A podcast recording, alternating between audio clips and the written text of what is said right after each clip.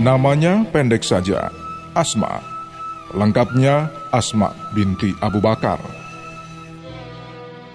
Tapi perjalanan hidupnya tak sependek namanya.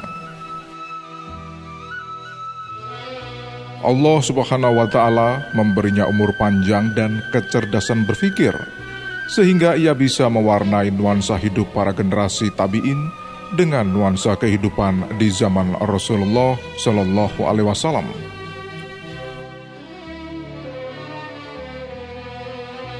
Asma termasuk kelompok wanita yang pertama masuk Islam. Sosok Asma tak bisa dipisahkan dengan peristiwa hijrah Rasulullah Shallallahu Alaihi Wasallam dengan ayahnya Abu Bakar. Dialah yang mengirim bekal makanan dan minuman kepada kedua kekasih Allah itu.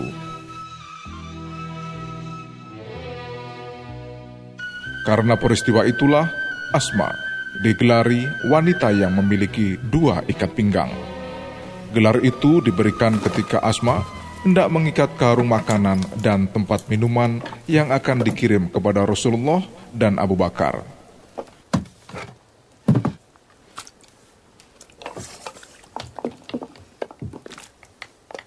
Waktu itu Asma tidak memiliki tali untuk mengikatnya. Maka ia pun memotong ikat pinggangnya menjadi dua. Satu untuk mengikat karung makanan dan satunya lagi untuk mengikat tempat air minum. Ketika Rasulullah Shallallahu Alaihi Wasallam mengetahui hal itu, beliau berdoa agar Allah Subhanahu Wa Taala mengganti ikat pinggang Asma dengan dua ikat pinggang yang lebih baik dan indah di surga.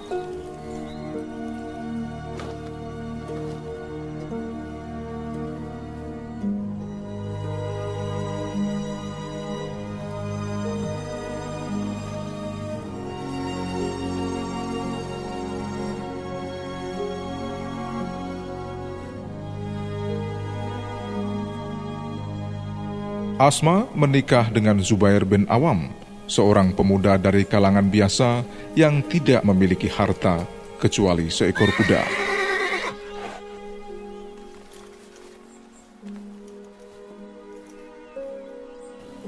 Meski begitu, Asma tidak kecewa. Ia tetap setia melayani suaminya.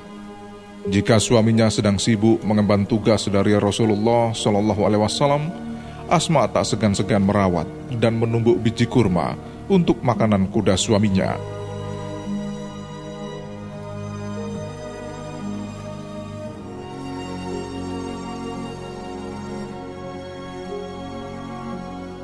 Buah perkawinannya dengan Zubair, Allah mengamanai mereka seorang anak yang cerdas bernama Abdullah bin Zubair. Asma memiliki beberapa sifat istimewa, Selain cantik, hampir sama dengan saudaranya Aisyah yang juga cerdas, cekatan dan lincah, sifat pemurahnya menjadi teladan banyak orang.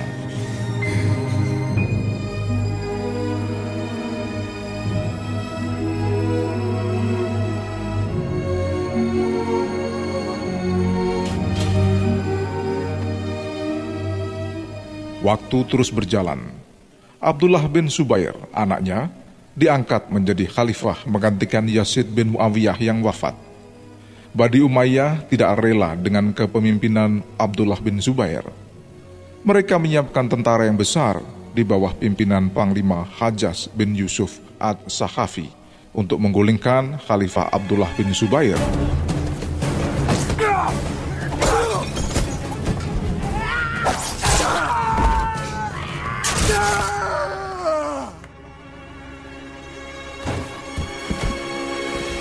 Perang antara kedua kekuatan itu pun akhirnya tak dapat dihindari. Abdullah bin Subair turun ke medan tempur memimpin langsung pasukannya waktu itu.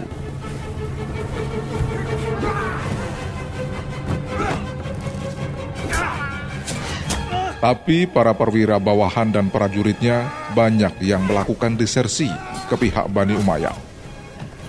Akhirnya dengan jumlah yang tinggal sedikit, pasukan Abdullah bin Subair mundur ke Baitul Haram, berlindung di bawah Ka'bah.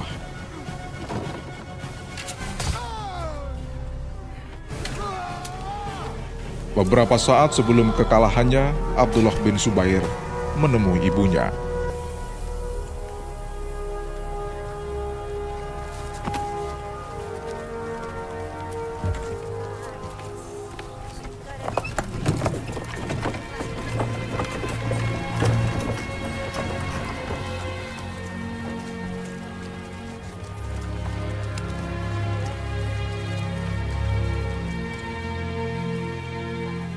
Asma binti Abu Bakar kemudian bertanya kepada anaknya, "Mengapa kamu datang ke sini?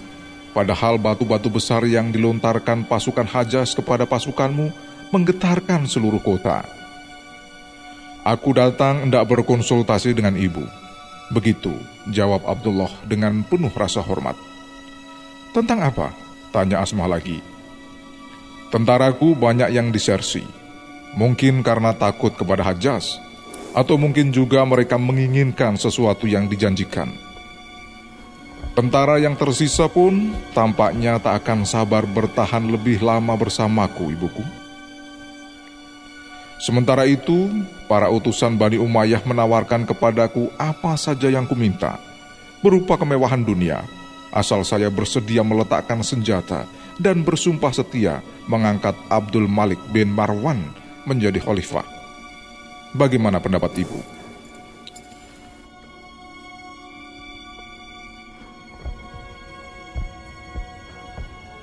Asma lalu menjawab dengan suara tinggi. Terserah kamu, ya Abdullah. Bukankah kamu sendiri yang lebih tahu tentang dirimu? Bila kamu yakin dalam kebenaran, maka teguhkan hatimu seperti para prajuritmu yang telah gugur. Tapi bila kamu menginginkan kemewahan dunia, sudah tentu kamu seorang laki-laki yang pengecut. Berarti kamu mencelakakan diri sendiri dan menjual murah harga sebuah kepahlawanan.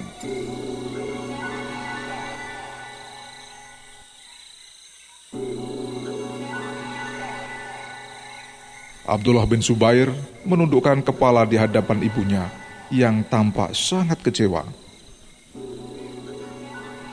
Meski ibunya sudah tua dan buta, Abdullah, sang khalifah dan panglima perang yang gagah berani itu tak sanggup melihat wajah ibunya karena rasa hormat dan kasihnya yang sangat besar. Tapi jika saya melawan, saya akan terbunuh hari ini, Bu. Begitu tutur Abdullah lembut.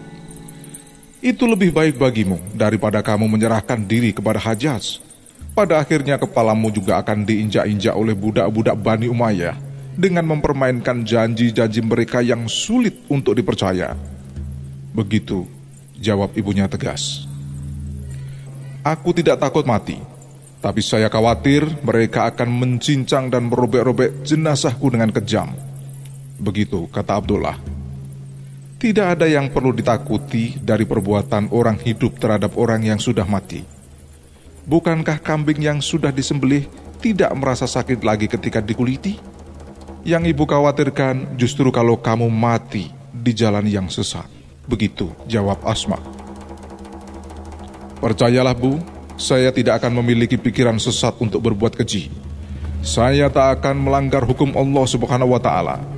Saya bukan orang pengecut dan saya tetap lebih mengutamakan keriduan Allah dan keriduan ibu, ucap Abdullah mantap. Dan sesaat kemudian ia berangkat menuju medan perang.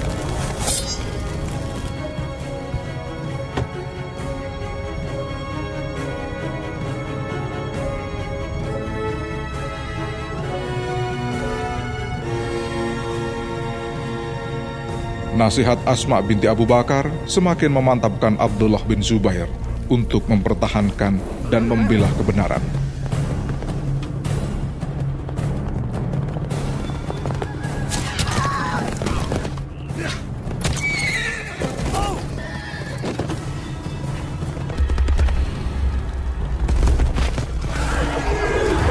Namun, sebelum matahari terbenam, Abdullah bin Zubair sahid menemui Allah Subhanahu wa taala.